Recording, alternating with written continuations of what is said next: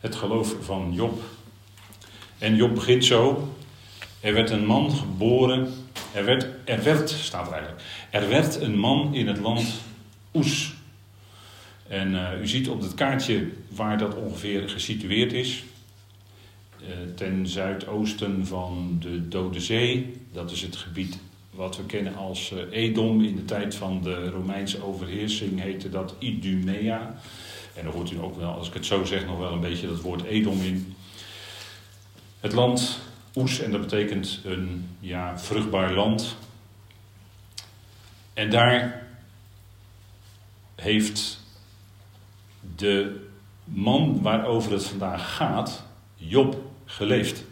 Daar groeide hij op. En dat was zijn naam. En zijn naam betekent, en daar zit in feite al een, heel stuk geschiedenis van zijn leven ook in. En we letten altijd op de betekenis van namen in de schrift.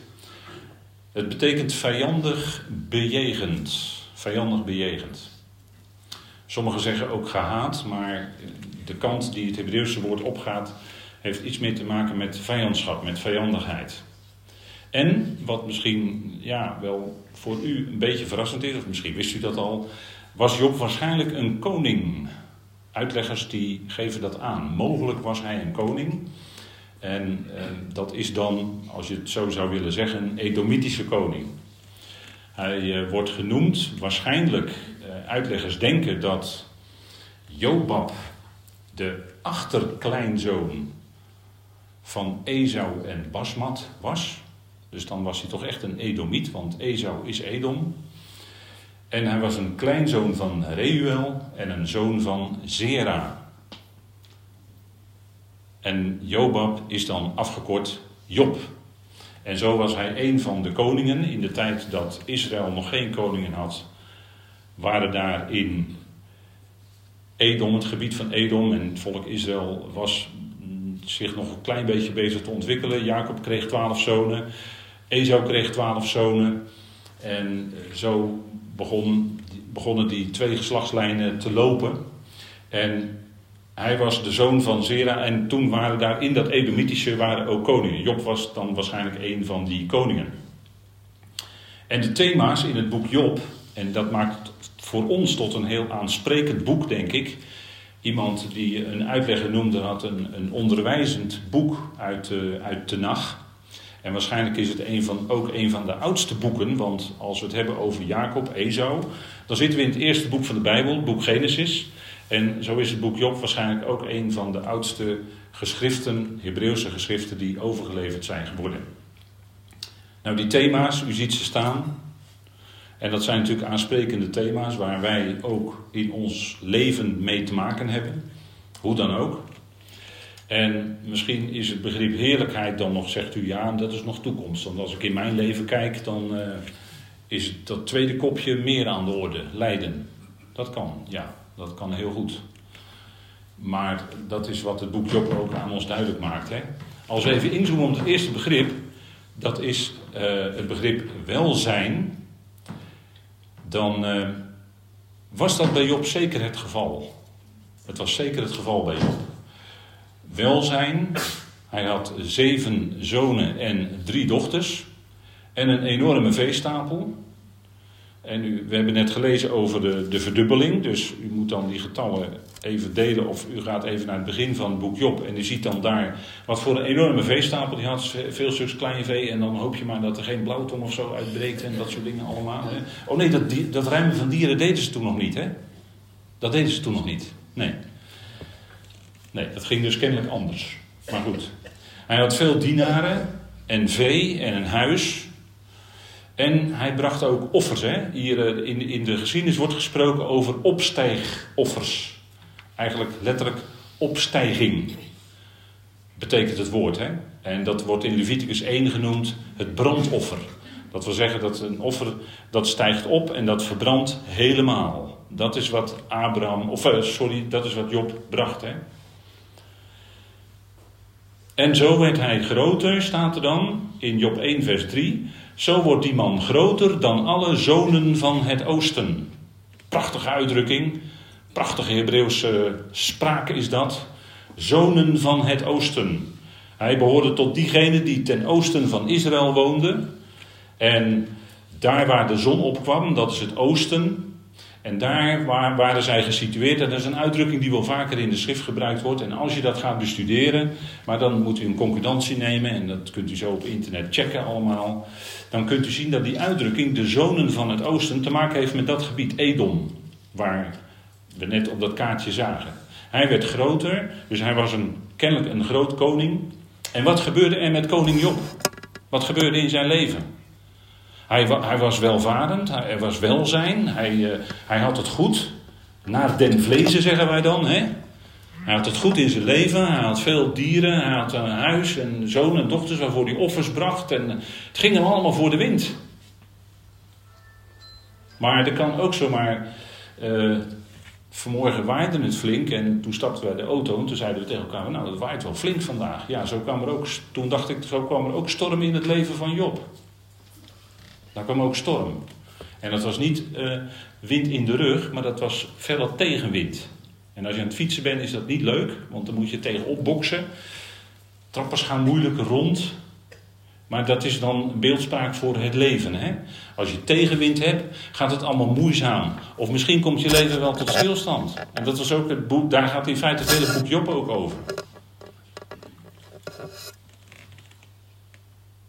En we worden even in het boek Job, gaan even als het ware de coulissen opzij, of de gordijnen worden even opzij geschoven. En we krijgen even een kijkje in de hemel. Want daar kwamen de zonen van God. En daar gaat het, als het om die, die zonen van God gaat, gaat het om hemelse machten en krachten. Maar je moet altijd goed in het tekstverband in de schrift nakijken welke zonen van God het betreft. Want je kunt niet zomaar het ene tekstverband met het andere tekstverband verwarren en denken dat het bij zonen van God altijd om hemelse machten en krachten gaat. Dat kunt u niet doen. Dan moet u goed kijken naar het tekstverband. En hier wordt duidelijk dat het gaat om hemelse machten en krachten, want de zonen van God kwamen bij Yahweh. En ook de Satan kwam te midden van hen. Nou, de Satan is geen mens, dat is een geest. Ik denk dat dat voor u wel duidelijk, eh, dat dat voor ons wel duidelijk is. Hè? En op die hemelse bijeenkomst, dat is heel wonderlijk, daar kwam ook de tegenstander, de Satan. En dan ontstaat er een gesprek, en u kent dat boek Job wel, en dan zegt die Satan nou, kijk eens naar, kijk eens naar Job, hij is een van de grootste van de zonen van het oosten. Uh, als ik nou eens wat in zijn leven ga aanrichten, zal hij dan nog u, u goed spreken van u? Zal hij u nu nog steeds zegenen? En zo kreeg de tegenstander, hè, want het Hebreeuwse woord Satan betekent letterlijk tegenstander. Zo kreeg de tegenstander van God de ruimte in Jobs leven, maar tot een zekere. De Heer zet daar ook een streep. Je mag zijn, je mag zijn bezit en alles aantasten, maar niet zijn leven. Dus Satan mocht tot zover gaan zoals God dat op dat moment aangaf. Dat is wat we leren uit het boek Job. En dan wordt het boek Job toch wel wat interessanter dan het is alleen maar een oude geschiedenis over een oude Oosterse koning. Want we leren hier wat, hoe dat gaat in, die hemelse, in het hemelse bereik. En dat is voor ons ook boeiend om te weten, want dat is onze toekomst. Onze bediening is straks te midden van de hemelsen. En het gaat hier over hemelse machten en krachten. Dus wij leren hier iets wat direct met ons als gelovigen te maken heeft. De tegenstander kon niet verder gaan in het leven van Job dan dat Yahweh hem toestond. Tegenstander tot hier en niet verder. Mocht alles afnemen en dat gebeurde ook. Job kreeg vier. Ja, we, in ons spraakgebruik is dat nog overgenomen. Hè? De, dat noemen we dan Jobstijdingen. Dat zijn slechte berichten. En daar zitten we niet altijd op te wachten natuurlijk. Op slechte berichten over, en zeker als het zo heel ontzettend dichtbij komt als in het leven van Job. Er kwamen vier boodschappers en die berichten hem in vier, in vier fasen dat hij in feite alles kwijt was. Hij raakte zijn veestapel kwijt, zijn huis, zijn kinderen, alles. Dat is wat. Dan ben je zo'n koning, heb je veel bezit, er steekt een enorme, want er was ook sprake van een letterlijke stormwind in het leven.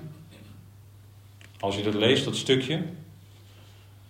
Enorme tegenwind in het leven van Job. Hij verloor alles. Hij verloor alles, raakte alles kwijt. En zo kan het misschien ook wel eens in ons leven zo zijn. Dat God ineens allerlei dingen, en het gaat je allemaal heel goed en je bent gelovig en het gaat je allemaal voor de wind en je kan een huisje bouwen, je krijgt kinderen. En, maar het kan ineens zijn dat God in je leven zegt en er gebeurt iets en je zet je leven stil. En dan komt er een stuk enorme verdrukking of lijden in je leven. En dan zegt u, ja, wij als mensen zitten daar niet op te wachten. Maar het komt toch. Het is niet tegen te houden. Het kwaad, daar gaat het ook over in het boek Job, hè. Het kwaad is er. Je kunt het niet tegenhouden. Je zou het graag willen, je zou het liefst buiten de deur houden. En, als je kinderen opgroeien, zou je het liefst het, het, vuile water maar buiten de deur voor je drempel langs laten gaan. Dat, dat is niet zo.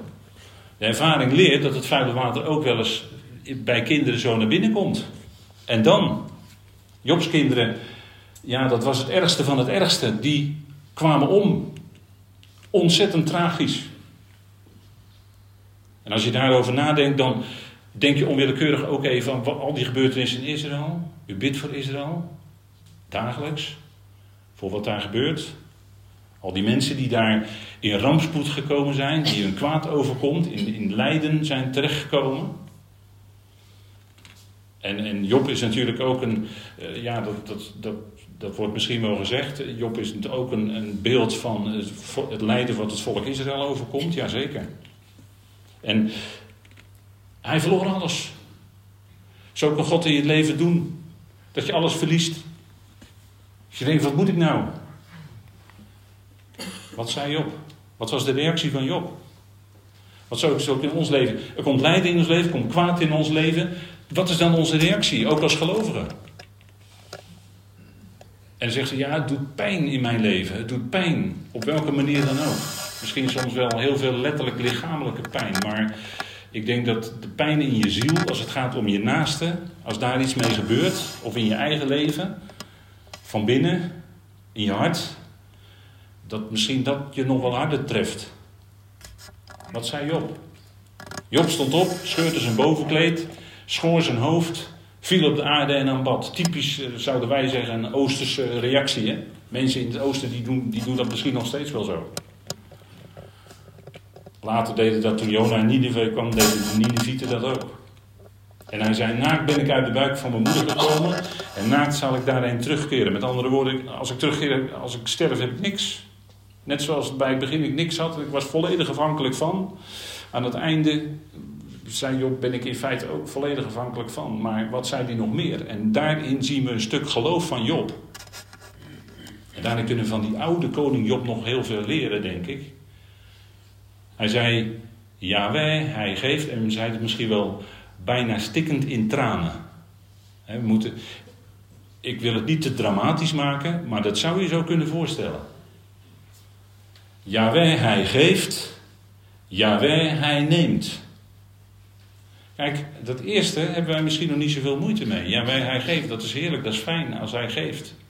Maar dat tweede, dat tweede, dat gebeurde in het leven van Job. Het was niet tegen te houden. Yahweh, hij neemt. Job erkende dat het God was. En dan hebben we gelezen, dan hebben we gelezen dat daar die bijeenkomst was, dat de tegenstander enzovoort. Ja, ja, ja.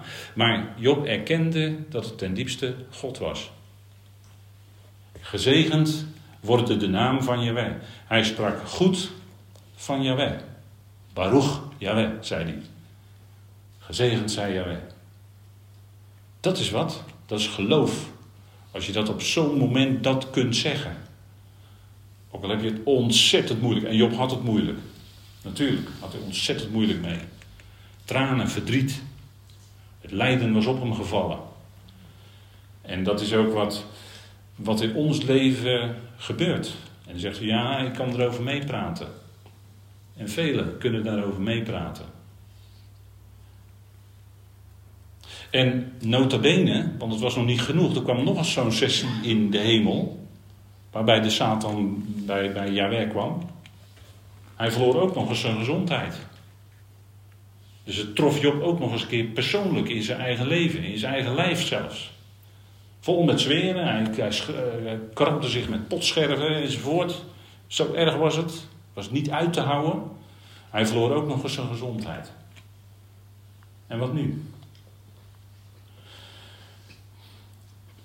Dan komt de vrouw van Job en die zegt: Hou je nog steeds vast aan jouw integriteit, aan jouw eerlijkheid? Vervloek Elohim en sterf. dat, is, dat, is, dat is wat in feite staat. He. Er is wat, wat, wat verwarring gekomen door, door vrome Mazoreten. die daar het woord gezegend hebben ingevoegd in de Hebreeuwse tekst. Maar oorspronkelijk stond er vervloekt, kalal. Vervloek Elohim en sterf, zei zijn vrouw. Dat was, een, dat was zo'n menselijke reactie. Zo enorm veel verdriet. Het zijn je kinderen tenslotte. Enorm. Het zijn je kinderen. En is een hele begrijpelijke. Hè, laten, we, laten we nou niet denken van ja, nou, die vrouw van Job. Nee, nee. Hoe zou je zelf reageren in die situatie? In al je emotie en al je verdriet? En we kunnen alles tegen God zeggen in ons gebed.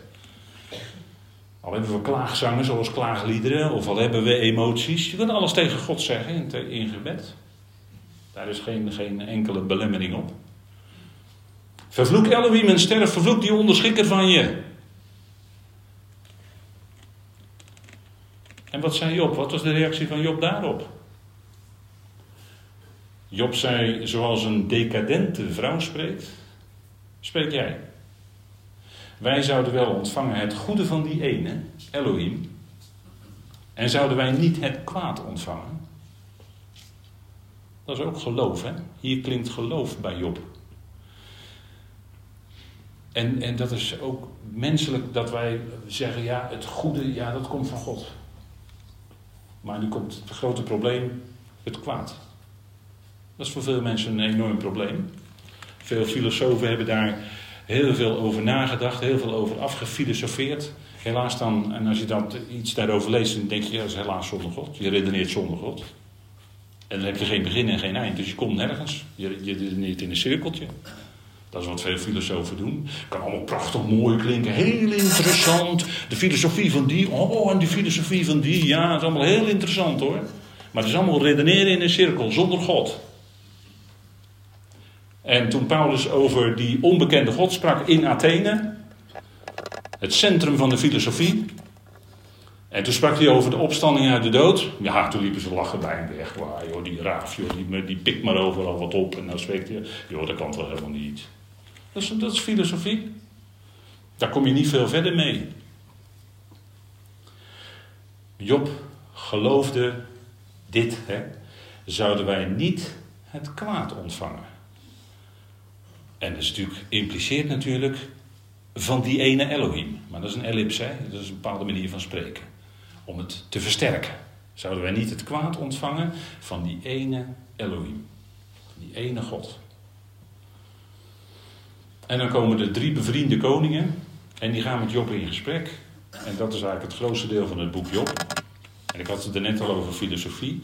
Nou, die, die koningen filosofeerden. En uh, ik geef een hele korte samenvatting. Echt, echt heel kort. In, in een paar one-liners van wat ze zeiden. Maar wil u daar meer over weten? Ja, dan moet u het boek gaan bestuderen. Elifas van Theman. Dat was de zoon van Esau en Ada. Bildad van Shua. Dat uh, was uiteindelijk van Abraham en Ketura. Dat was de derde vrouw van Abraham, hè, Ketura. Daar krijg je nog zeven, zeven kinderen bij. En Zofar de Naamatiet. En dat is een gebied in het zuiden van Juda. En dat zijn zo van die koningen die ook dan in die tijd leefden. En die gingen, dat waren vrienden van Job, hè, bevriende koningen. Die gingen met hem in gesprek, die gingen filosoferen. Want de vraag is, het kwaad en het lijden treft een rechtvaardig mens. Want Job was een rechtvaardige. Hij geloofde. Was een rechtvaardig mens. Was een goed mens. Had het allemaal goed voor elkaar. Hij bracht zelfs brandoffers aan God. Hij bad tot God. Hij dankte God. Het kwaad en het lijden treft een rechtvaardig mens. Want menselijk geredeneerd spreekt men in het dagelijks leven vaak over karma. Weet u wel, karma. Weet je wat karma is? Als jij het slecht doet, dan overkomt jou morgen ook iets slechts. Dat is karma. Want we moeten weer in evenwicht komen. Dat is wat heidens denken, hè? Maar het kwaad en het lijden treft een rechtvaardig mens. Dat is paradoxaal. En een rabbijn schreef daar ooit ook een boekje over. Als het kwaad goede mensen treft. Misschien kent u dat boekje wel. En die vroeg zich dat ook af. Waarom? Waarom moet een rechtvaardig mens nu in het leven toch lijden? Overkomt hem toch kwaad? Dat is, dat is de grote vraag bij het boek Job. En wat zei Elifas? Nou, die beriep zich op menselijke ervaring. Die zegt, ja, zo gaat het in het leven, er komt je wel eens wat. En het, het kan wel eens wat mindertjes zijn, het kan wel eens wat beter zijn. Maar ja, uiteindelijk gaat het allemaal zo zijn gang. Misschien een beetje, een beetje fatalistische gedachte. Het overkomt je gewoon. Ja, je kan er niks tegen doen. Maar ja, goed, ja, je, moet het maar, uh, ja, je moet het maar aanvaarden zoals het lot jou treft. Hè? Zoiets. En, en wat zei Bill dat? Die, zei, die beriep zich op de traditie van de mensen. En dat, dat kunnen filosofen ook doen. Hè. De, ene filosoof heeft het veel meer over de ervaring van mensen. Hè. Die, uh, die spreken dan over, uh, ja dat is zo'n moeilijk woord. Over de ervaring van mensen. Ik, laat maar. De ervaringen van mensen en, en hoe je dan daarmee moet omgaan. En, en anderen die beroepen zich op de traditie. Van ja, de traditie zegt van als nou dit gebeurt, dan dat en dit en dat. En ja, goed. Beeld dat. En wat zei Zofar, dat is de derde vriend, wat de mens verdient, dat krijgt hij. Als jij nou heel, heleboel goede dingen doet, dan zal het je goed gaan. En als je heel, heel veel slechte dingen doet, gaat het jou slecht. Er zit een beetje die karma-gedachte in. Hè? Maar hier is natuurlijk paradox, hè? Want Job, dat was een goed mens, was een rechtvaardig mens, was een gelovige. En niettemin, en niettemin overkwam hem toch kwaad en lijden. En dan komt Elihu. En dan zitten we al in hoofdstuk 30 tot en met 7, 32 tot en met 37. En die spreekt goed van God. En, meer wil ik over Elihu ook niet zeggen. Mijn, uh, hè, mijn God is Hij, of God is Yahweh. En wat geloofde Job? Want het gaat vandaag over het geloof van Job. En we hebben al een paar dingen aangestipt met elkaar. Maar wat geloofde Job nou? En dat is voor ons een, een stukje onderwijs waar we wat mee kunnen. Want kijk, dat kwaad en dat lijden, die druk die ons overkomt, dat is vandaag zo, dat is morgen zo en dat is overmorgen ook zo. Tenzij de bazuin gaat. Maar dan is dat, blijft dat zo. Dus dat is een heel praktisch onderwerp. En dan kun je natuurlijk afvragen, zoals het vaak dan gezegd wordt, hoe ga je daarmee om? Maar wat geloofde Job? Ik denk dat het veel fundamenteel, dat het veel fundamenteler vraag is als existentieel even zeggen, hoe ga je daarmee om? Ik denk dat het veel belangrijker is, wat geloof je? En dat dat de basis is van hoe je in het leven staat. Ik denk dat dat fundamenteler is. Wat geloofde Job? Nou, dat vinden we terug in het boek Job. Hè? Kijk, u ziet hier de handen van die pottenbakken. En dan zijn dat voor ons denk ik al hele, is een heel bekend beeld. Wat Paulus natuurlijk noemt in Romeinen 9. Uw handen hebben mij gevormd en gemaakt. Job erkende dit in geloof. Dat God zijn schepper is, zijn maker is. En ook vormer is. Want dat is, ja, die handen van die pottenbakker, die zijn bezig je leven te vormen. dat, dat zijn die handen van God die in je leven dan werken. Dat was in het leven van Job aan de hand. Uw handen hebben mij gevormd en gemaakt. En hij zei nog meer over, over dat scheppen, die schepping. Die schepping in, is in Gods hand. Want Job die zei in Job 9, hij spreekt tegen de zonneschijf en zij gaat niet op. Dus bij wijze van, hè, als God een woord zou spreken, dan stopt dat proces. Hij verzegelt de sterren. Hij alleen strekt de hemelen uit. En hij treedt op de hoogten van de zee. Hij maakte de grote beer, de Orion, het zevengesternte en de kamers van het zuiden. Kijk, dat wist op. En dat geloofde hij, dat God Elohim die schepper daarvan is. En Job die zag ook dat steelpannetje daar in de lucht, de grote beer.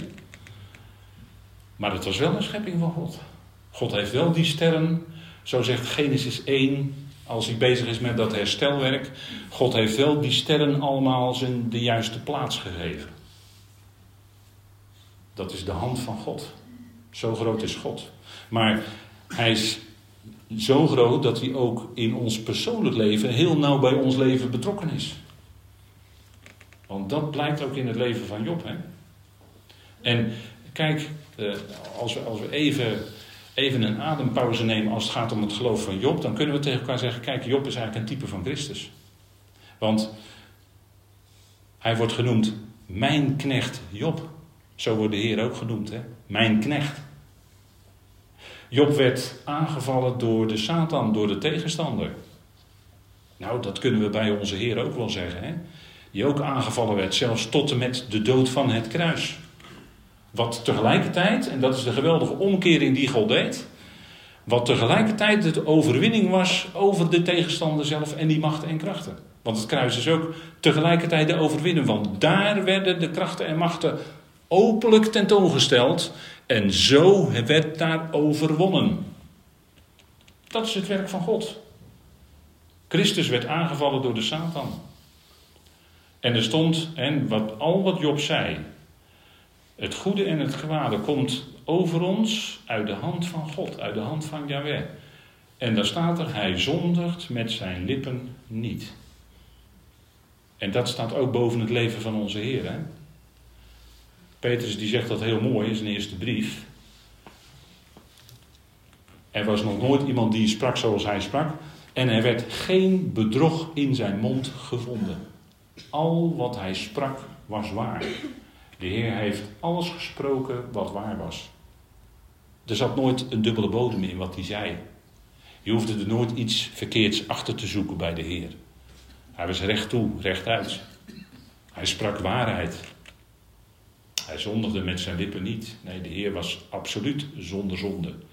Job niet, Job was een zondaar. Maar de Heer was helemaal volledig zonder zonde. Een volkomen gaaf lam.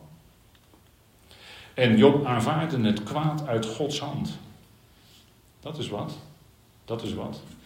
Als je het kwaad kunt aanvaarden uit de hand van Elohim, uit de hand van God. En dat deed de Heer ook. De Heer Jezus die aanvaarde de tegenslag uit de hand van God. Vader, ik dank u, zei hij toen. Dat u deze dingen voor wijze en verstandigen verborgen hebt, maar aan kinderen openbaart. Dat was toen de bediening van de Heer, menselijkerwijs gesproken, mislukte. Het mislukte natuurlijk niets, maar hij werd als koning verworpen. En Job was dan een rechtvaardige, dat zegt Ezekiel, hè, er wordt Job genoemd, tezamen met, uh, met hele bekende gelovigen als Daniel en Noach. Hè, en een rijtje van drie, maar er wordt Job ook genoemd door de profeet Ezekiel, die veel later leefde. En het ging door diep lijden naar heerlijkheid. En dan hebben we een antwoord. In Jobs leven ging het. Er was welzijn, er kwam lijden in zijn leven. God bracht kwaad in zijn leven. En dat lijden wat het teweegbracht, door, dat door dat kwaad teweeggebracht werd, dat leidde tot heerlijkheid. En dan hebben we een antwoord, hè? En wat geloofde Job nog meer? Hij geloofde dat er in de dood geen bewustzijn is. Waarom ben ik niet van de baarmoeder af gestorven? Hij vervloekte bijna zijn geboortedag, hè Job? En in datzelfde stukje zegt hij: Want daar houden de goddelozen op met woelen, en zij van wie de kracht is uitgeput, rusten daar. Is het over? Was ik maar gestorven op die dag, dat zei hij in zijn wanhoop, in zijn, in zijn, eh, in zijn enorme emotie. Hè? Want het woord lijden is het woord lijden is eigenlijk het, uh, heeft eigenlijk te maken met passie. Vanuit het grondbegrip, passie. we, de Engelsen noemen dat, uh, de lijdenstijd van de Heer noemen ze ook de passion. Passie, lijden, dat is druk hebben, dat is, dat, zit, dat woord zit, daar zit heel veel emotie in. dat, je, dat je dingen ondergaat die bij jou heel veel emoties teweeg brengen. En dat zei Job ook in zijn emotie, hè, dit. Kijk, we kunnen als, als, ook als geloof natuurlijk wel eens allerlei dingen roepen waarvan je later denkt van wat, wat heb ik nou toch gezegd, wat heb ik nou toch geroepen. Maar God kent je hart. God kent je hart. En Job geloofde ook in de opstanding. Job geloofde ook in de opstanding. In Job 14 spreekt hij daarover. Als een mens de laatste adem blaast, waar is hij? Zoals, een zoals wateren een meer verlaten en een rivier verzandt en droog valt. Zo gaat de mens liggen en hij zal niet opstaan, de dood. Totdat de hemelen niet meer zijn, zullen zij niet ontwaken, noch gewekt worden uit hun slaap. Waarmee Job in feite zegt. Hij had een, hij had een vergezicht, hij laat hier een vergezicht zien. Totdat de hemelen niet meer zijn. En dat moment zal er komen. Dat de hemelen die nu zijn, die zullen er niet meer zijn. Maar die zullen eerst nog, dat is binnenkort, in de tijd van grote verdrukking, zullen de hemel, eh, hemelen weggerold worden als een boekrol. En dan zullen ze zien wie op de troon zit, het lam. Ze zullen hem zien. Zegt de openbaring. Kunnen ze zich niet voorstellen, hè? Dat de hemelen weggerold, weggerold zullen worden als een boekrol. Maar dat zal gaan gebeuren. Staat in openbaring. Daar zitten we dicht tegenaan, die tijd. Maar Job kijkt nog veel verder. Totdat de hemelen niet meer zijn. Petrus zegt: de hemelen, worden, hemelen en deze aarde worden tot vuur bewaard. Hè. Die zullen straks uiteindelijk na de duizend jaar door vuur vergaan. En dan zal er een nieuwe hemelen en een nieuwe aarde komen. Maar tot dat moment, zegt Job, zullen zij niet ontwaken, nog gewekt worden uit hun slaap. Maar als dat moment daar is, dat die hemelen niet meer zijn, dan wel. Dan worden ze wel gewekt uit hun slaap. En de openbaring noemt dat, Johannes zag dat, de grote witte troon. Die sessie gaat nog komen. De grote witte troon. Want ja, er zijn allerlei mensen die allerlei dingen doen, ook in onze dagen. Er is heel veel leugen en bedrog wat uitgevoerd wordt in onze dagen. En denkt u nou dat al die mensen die dat doen, dat die daarmee wegkomen? Ja, nu nog wel misschien, omdat het afgedekt wordt. Met heel veel geld. Misschien nu nog wel. Maar straks voor de grote witte troon. Dan is er geen enkele mogelijkheid om zich nog ergens achter te kunnen verzuilen. Dan zijn er geen organisaties meer die. Nee, dat is dan allemaal weg. Niemand heeft dan de mogelijkheid om zich nog ergens achter te verzuilen. Want ze worden rechtstreeks geconfronteerd met Jezus Christus. Die op de troon zit dan. Ze zullen niet ontkomen. En ook al eerder zal dat gericht komen, want in de openbaring wordt gezegd dat God zal verderven. Degene die de aarde verderven. Degene die nu de aarde verderven. God zal ze verderven in die tijd van openbaring. Dat gaat komen. En natuurlijk, uiteindelijk, maar dat, daar gaan we naartoe. Wat wist Job? Hij houdt terug het aangezicht van zijn troon, zegt hij in Job 26. Hij spreidt zijn wolk erover uit. En dat is wat ik zojuist al heel even aangaf. Er zal een tijd komen dat dus die hemelen weggerold, weggerold zullen worden, opgerold zullen worden, als was het een boekrol. En wat zullen ze dan zien? De troon, degene die op de troon zit. En als u het mij vraagt, zal de, misschien wel de nu levende generatie dat nog gaan meemaken. Dat zou zomaar kunnen. Door zijn geest werden de hemelen gepast gemaakt, zegt Job. Dat was wat hij wist, hè. En dat was de schepping. De hemelen werden, ja, in, in, in Genesis staat het woord uitstrekken. Maar de hemelen werden gepast gemaakt en zijn hand leed pijn met de vluchtige slang. Dus hier geeft Job in feite aan dat die hand van God, zelfs die slang, de tegenstander, die in het boek Job zo prominent naar voren komt, God heeft die slang gemaakt. En daar wordt van gezegd zijn hand. Zijn geest was betrokken bij het ontwerp van de hemelen, maar zijn hand, en er staat er ook, leed pijn. Dus er wordt al aan verbonden dat, dat die vluchtige slang die werd geschapen door God als slang, als tegenstander, en daarmee werd verbonden die pijn, het lijden wat dat zou opleveren. Dat had God dus in zijn plan opgenomen. Ja, we kunnen toch niet anders zeggen dan dat. We leven nog steeds in de boze eon. Maar deze boze eon zal ook tot een einde komen. En dan komen er twee geweldige eonen waarin het een opstapeling zal zijn van heerlijkheid van God. Dat gaat, dat gaat komen. Maar we leven nu nog in de boze eon. En als we om ons heen kijken in de wereld, zeggen we ja, we leven nog steeds in de boze eon. Nog steeds. Maar het gaat omgezet worden in iets geweldigs. Hè? En Job zei van zichzelf, en daarin liet hij ook zien dat die overtreding van Adam, dat het in zijn dagen ook nog steeds heel erg bekend was. Je zou bijna zeggen, dit is een tekst van de apostel Paulus, maar Job zegt dit. Ik heb mijn overtreding bedekt als Adam, door mijn slechtheid op te bergen in mijn boezem. Job was ook een zondaar. Hij erkende dat hij afstamde van Adam. En Adam was een zondaar, een overtreder. Een doelmisser. Maar hij was wel een gelovige. Dat maakte toch het zo anders. Want Job wist ook dit. En dat is wat ons uitzicht geeft op wie God is. God leidt alles. En ik kan ook zeggen, als ik het met de lange ei zeg, God leidt mee. God leidt mee met degene die lijden. Want waarom, waarom kon Job nou volharden? We, we hebben gelezen in de liturglas Jacobus 5. En daar lazen wij over de volharding van Job. Waarom kon Job er nou toch onder blijven? Waarom? God. God hield hem vast. En daarom kon hij God vasthouden. We, gaan nooit, we zeggen nooit tegen elkaar: je moet heel erg goed proberen God vast te houden in je leven. Nee. We zeggen tegen elkaar: God houdt je vast. God houdt je vast. Ga daar maar vanuit. Want zo is het. En daarin kun je rusten. De rust van het geloof, daar hadden we het afgelopen donderdag over in de Bijbelstudie.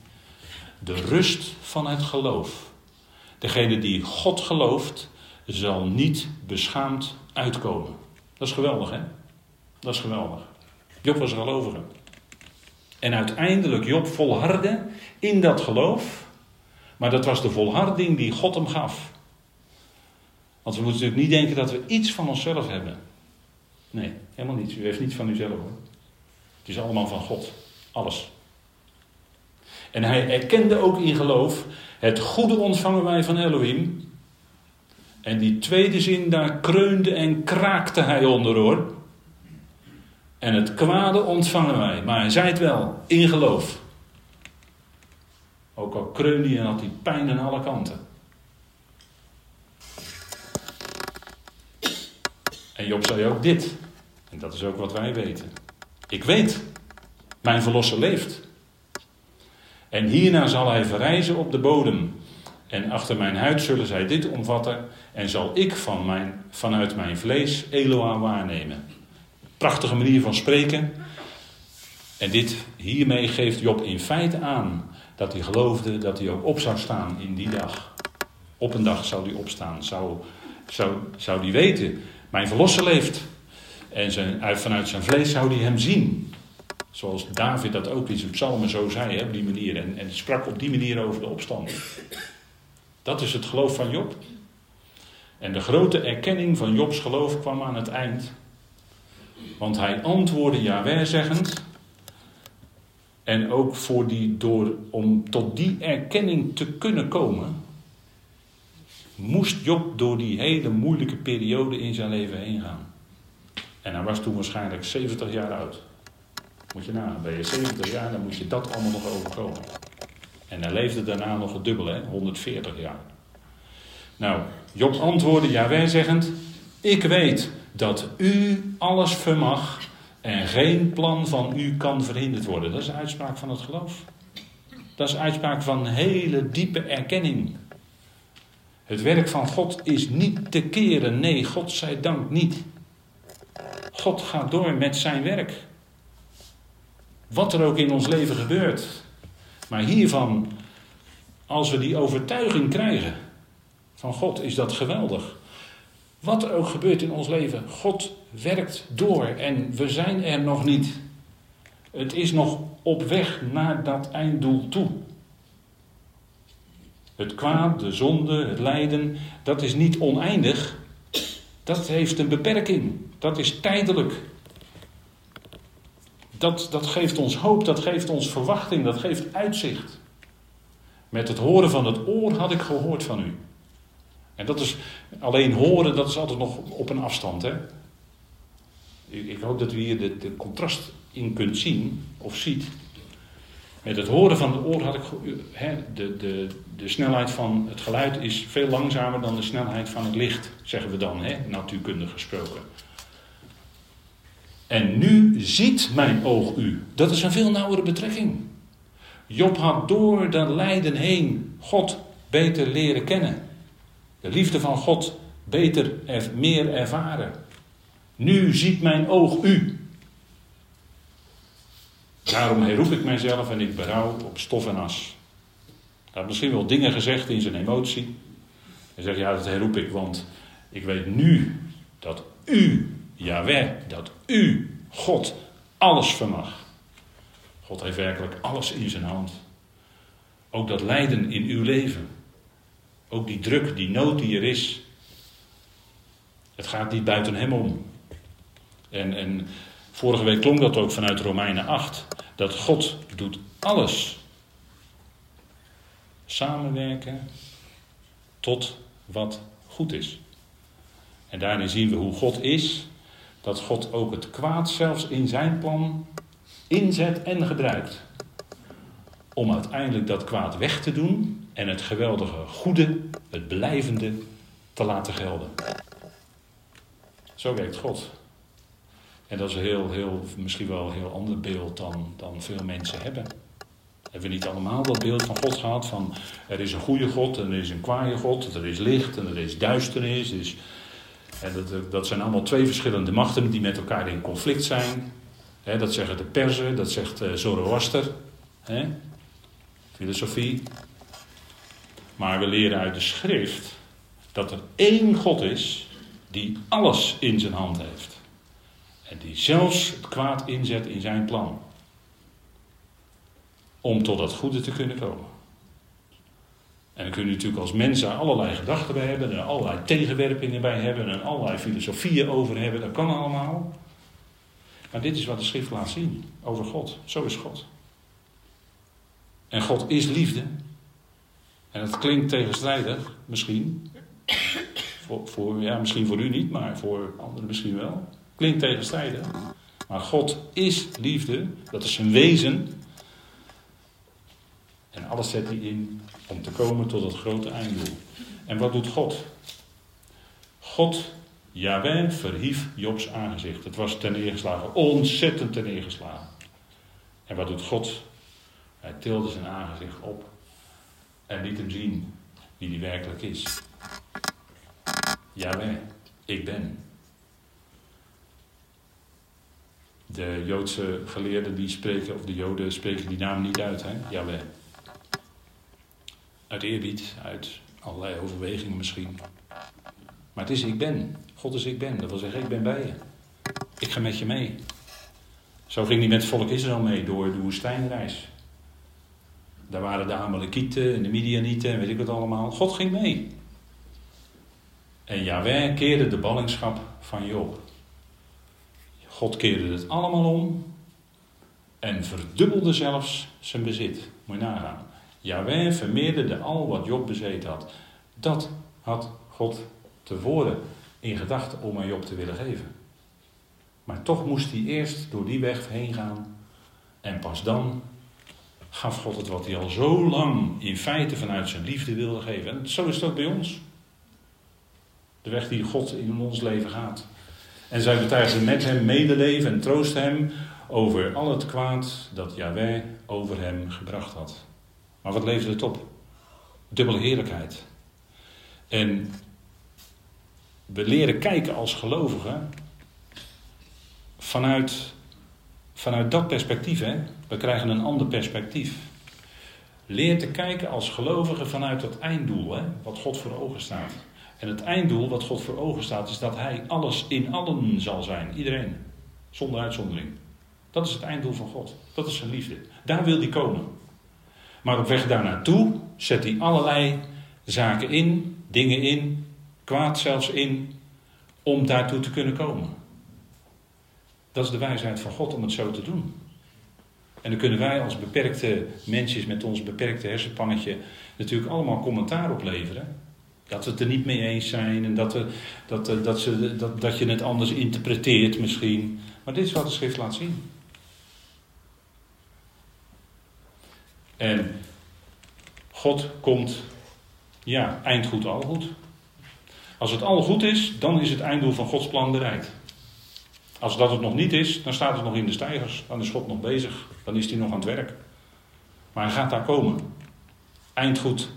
Ja, inderdaad, dan is al goed. Want hij zegende Job, we hebben het gelezen. Hè? Hij zegende Job het latere meer dan zijn begin. Verdubbeling. En hier zien we Gods bedoeling met het kwaad en het lijden. Grotere heerlijkheid, uiteindelijk. En de weg is niet makkelijk. Dat was voor de zoon van God niet makkelijk. Dat ging door lijden heen. Maar hij kon dat lijden ondergaan met het zicht op de heerlijkheid die hem in vooruitzicht was gesteld.